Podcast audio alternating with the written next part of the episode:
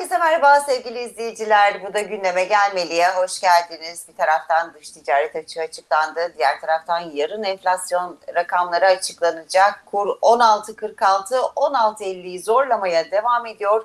JP Morgan'ın e, CEO'sundan önemli açıklamalar var. Tabii biraz da FED'e bakacağız. Hepsini konuşacağız. Ekonomist Murat Surur Özbülbül de karşımızda. Merhaba Murat Bey. Merhaba sevgili Ebru, merhaba sevgili izleyicilerimiz. Nereden başlayalım ne dersiniz? İçeriden mi dışarıdan mı? Ya dışarıdan başlayalım, içeriye gelelim bence. Tamam. Ee, JP Morgan dedim ama ben önce e, Yalın'la başlamak istiyorum. E, aslında bizdeki gibi yapılan bir açıklamayı yapmıştı o da. E, geçen yıl enflasyon daimi olmayacağını söylemişti. Biz de ertesi günü sizinle video çekmiştik. Yalın yanılıyor demiştiniz. Şimdi Yalın'dan bir itiraf geldi. Diyor ki enflasyon konusunda ben e, yanıldım yanlış okumuşum olanları diyor ama en azından çıkıp böyle bir şey söyleme cesaretinde bulundu. Ne diyeceksiniz bu açıklamaları için yılının onunla başlayalım dilerseniz. Yani e, ekonomi bir bilimdir Ebru. Yani efendim e, o zaman demişlerdi biz bu kadar para basıyoruz ama bu enflasyon yaratmayacak demişlerdi. E, bu ekonomi ekonominin matematiğine aykırı bir şey. Doğru. O anda hemen yaratmadı. Niye? Çünkü insanlar evden çıkıp para harcayamıyordu. Arabasına evet. binip benzin alamıyordu.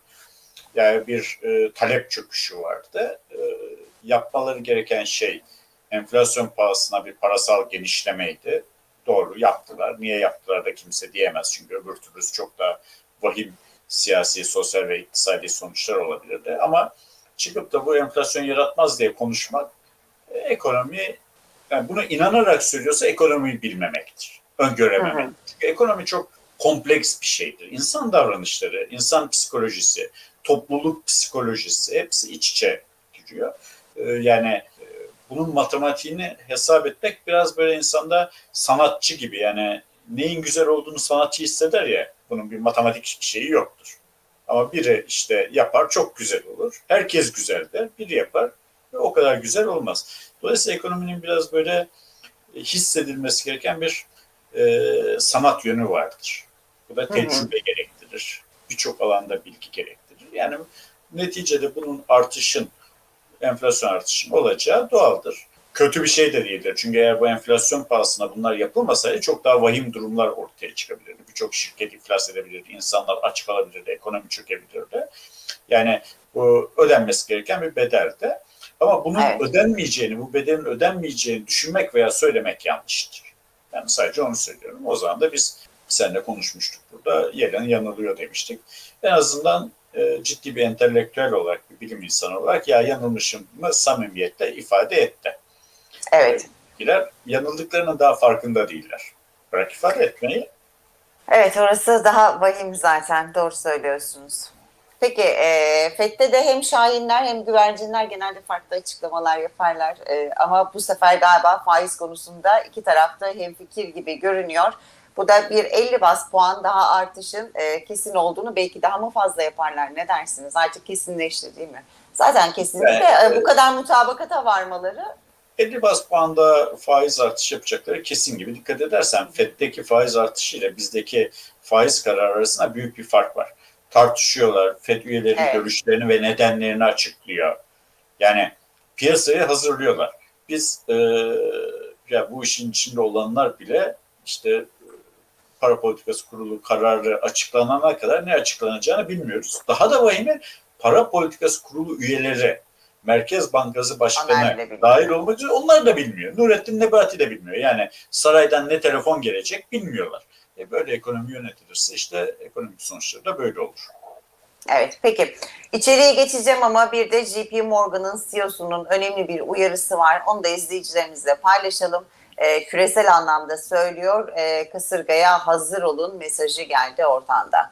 Evet bunu da seninle konuşmuştuk. Ee, evet. Şimdi dünyada zaten bir takım sıkıntılar vardı. Yani bu aslında yeni de başlamadı. 2008'de başladı. Aslında kapitalist ekonomi her daim bir takım krizlere gebedir. Kriz yaratır. Bu kapitalizmin doğasında olan bir şey. Üstüne bu pandemi geldi. Üstüne Rusya-Ukrayna savaşı geldi ama herkesin unuttuğu bir savaş daha var arada artık pek konuşulmuyor. Ticaret savaşları yani hem evet. Çin'le Amerika arasında hem Avrupa ile Amerika arasında yaşanan bir ticaret savaşları var. Şimdi bunların hepsi yeniden hortluyor. Bir de üzerine bir silahlı çatışma Ukrayna-Rusya savaşı geldi. Bu ciddi sorunlar doğuracak. Ee, gene e, konuştuğumuz konulardan biri hatırlarsan Ebru, e, enflasyonu durdurmak mümkün, kolay hatta çok kolay evet. iş ama acılı bir iş. Yani ne kadar acı evet. çekmeye razısın. İşte Amerika hızla tedbir alıp enflasyonu durdurmak için uğraştığı zaman birçok zayıf kurum, devlet ve kişi iflas edecek. Ve bu bir resesyon riski doğuracak demiştik. Aslında o risk de ufukta duruyor. Yani tamam Amerika bugün çok kararlı olarak e, faiz arttırıyor ama bunun yaratacağı resesyon riskini de taşımak istemeyecektir. Özellikle resesyon kendi ülkesinde olursa taşımak istemeyecektir. Amerika başka ülkelerle hiç ilgilenmez. Ne olduğunu, yanıp yıkıldığını falan ilgilenmez. Ama değerli dolar ve zor ulaşılan dolar, değerli euro ve zor ulaşılan euro ile birlikte düşünülürse e, yüksek borçlu, döviz borçlu olan birçok ülke çok ciddi bir e, kasırgayla karşılaşacak. Şey, sendi kasırgası mı demiş, sendi kasırgasını aratabilir. Eyvah eyvah. Peki oradan yani hemen... Hiç kimse unutmasın yani dünya 100 yıldır yaşamadığı bir kriz yaşadı bu pandemiden dolayı. Şu anda Avrupa'da 2. Dünya Savaşı'ndan bu yana süren en yüksek çatışma seviyesi yaşanıyor. Bu çatışma seviyesinin her an bir nükleer savaşa, 3. Dünya Savaşı'na dönüşme riski var. Öbür tarafta Asya Pasifik'te Çin ve Amerika çatışıyor. O soğuk bir çatışma da olsa dünya yeni bir soğuk savaş dönemine girdi. Dolayısıyla bunların hepsi bir araya geldiği zaman bu fırtınanın öyle tatlı bir meltem kıvamında olacağını hayal edenler, düşünenler çok iyimser polyanacılık oynuyor derim. Evet. Tabii o dışarıdaki her şeyi hani dışarıyı konuştuk ama tabii bize etkileri çok fazla olacağı için de konuşuyoruz. Çünkü küreselde ne olursa bizi de etkiliyor. Ama içeri geçtiğimizde durum çok daha vahim. Yani içeride de çünkü bizim bir sürü problemimiz var. Mesela dış ticaret açığımız yine rekor kırdı. Yüzde 157 artmış Murat Bey. Diğer taraftan yarın enflasyon rakamları açıklanacak. Onu size sormuyorum nasıl bir e, rakam gelecek diye. Ne diyeceğinizi artık ben de izleyicilerimiz de biliyoruz zaten. Bakalım e, izleyicilerimiz tahminlerini açıklasınlar. Şunu e, istirham edeyim izleyicilerimizden. E, hissettikleri enflasyonu yazsınlar. Yanına ha, evet. e, açıklayacağı enflasyonu yazsınlar. Bir görelim vatandaş nasıl e, algılıyor olayı. Ee, Ebru bundan daha önemli bir şey var. Yani bu ülkeyi dünya ekonomisini bir okyanusa benzer. Bu okyanus bazen krizler olur, dalgalanır, fırtınalar kopar, çok şiddetli fırtınalar kopar. Sen bu fırtınalarda tehlikeli sulara yakın olabilirsin. Fırtınaya ne bileyim kayalıkların olduğu bir bölgede yakalanmış olabilirsin.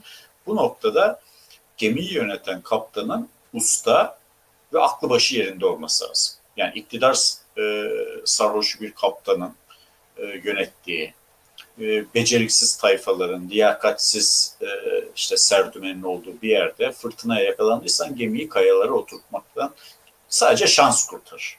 Yani kimse kusura bakmasın dün Cumhurbaşkanı mecliste, Türkiye Büyük Millet Meclisi'nin kutsal çatısı altında bu halkın bir kısmına sürtük dedi. Şimdi bu bir yönetim krizidir, bir rejim krizidir bir ahlak krizidir, bir hukuk krizidir.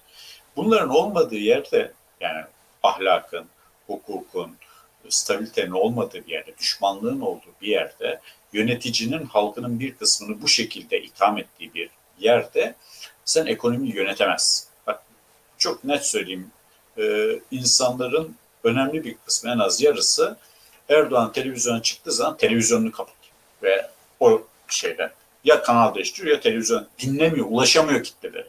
Sen ülkenin yarısının nefretini kazanacak, onları ötekileştirecek işler yaparak ekonomiyi de güveni tesis edip rayına oturtamazsın, yönetemezsin. Mümkün değil. Yani bir şeyler yapmak istersin ama kitle sana uymaz. Kitle yönetenlerle iyi bir güven ilişkisi varsa, bir sağlıklı ilişkisi varsa ancak yönetenlerin isteğine uyar, onlarla eşgüdümlü çalışır. Ne oluyor iktidar? Döviz almayın eliniz yanar diyor. Millet döviz almaya koşuyor. Fiyatlar düşecek, şunu eline vuracağız, bunun kafasına balyoz indireceğiz diyor. Millet aman fiyatlar yükselmeden mal alayım diye çarşıya pazara koşuyor. Niye? Güven ilişkisi yok. Kimse ağızlarından çıkana inanmıyor, güvenmiyor. Bu ortamda bir de sen hukuk krizi yaratırsan bu şekilde, bu, bu hakaretler normalde Türkiye'deki bir, o gezi eylemlerine katılan bir sürü insan, özellikle kadınların çünkü maalesef bu e, hakaret daha ziyade kadınlara yönelik kullanılır. E, mahkemeye koşup dava açması lazım. E, Kesinlikle. dünya kadar para alması lazım. Ama mahkemeler işlemiyor. Mahkemenin işlemediği yerde ekonomi işler mi? Böyle işlemez. Evet. İlişki bu kadar basit. Yani ekonomi sadece ekonomi değildir. Ekonomi en temelinde güvendir, hukuktur, istikrardır. O ilişkidir. Yani yönetilen yönetilen ilişkisidir. Ya. Yani diyorum ya güvenmediğin bakkala bile girip alışveriş yapıyorsun. Daha ucuza satsa alışveriş yapıyorsun. Bu diyorsun bana çürük yumurta satmıştır, hileli peynir satmıştır, süte su, yağ, ne bileyim motor yağı katmıştır diyorsun. Ucuz sattığı zaman bile almıyorsun. Güven meselesi.